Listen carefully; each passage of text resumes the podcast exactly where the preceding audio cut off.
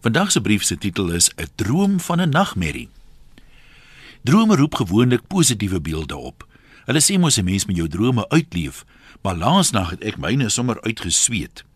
In 'n nagmerrie verkeer jy dikwels in doodsgevaar, maar my droom het ek gewens ek kon ongesiens deur die wit poorte glip. Ek droom is my eerste dag as staatsaanklaer op 'n plattelandse dorp. Toe ek by die hof instap, lê die dag se dossiere daar agter in die hoek, vol stof. Ek dra dit aan die tafel toe waar ek dink die staatsaanklaer vermoedelik sit en ek begin redeer blaai. Alles is handgeskrewe, skrif wat 'n dokter trots sal maak. Ek is egter nie 'n apteker nie en ek kan nie kop of gat uitmaak wat daar aangaan nie.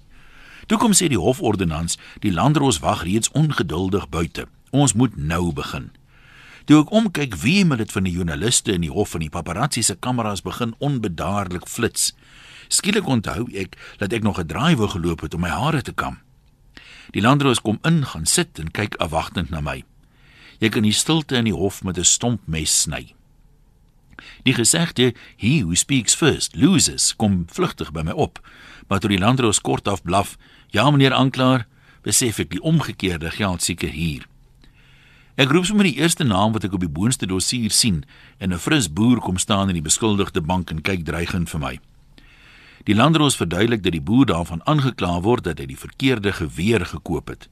Die saak is deels verhoor deur 'n vorige aanklaer en na vandag toe uitgestel sodat die staat, dis nou ek, die verskille kan demonstreer tussen die geweer wat die boer gekoop het en die een wat hy moes gekoop het, soos enige redelike man tog sou doen.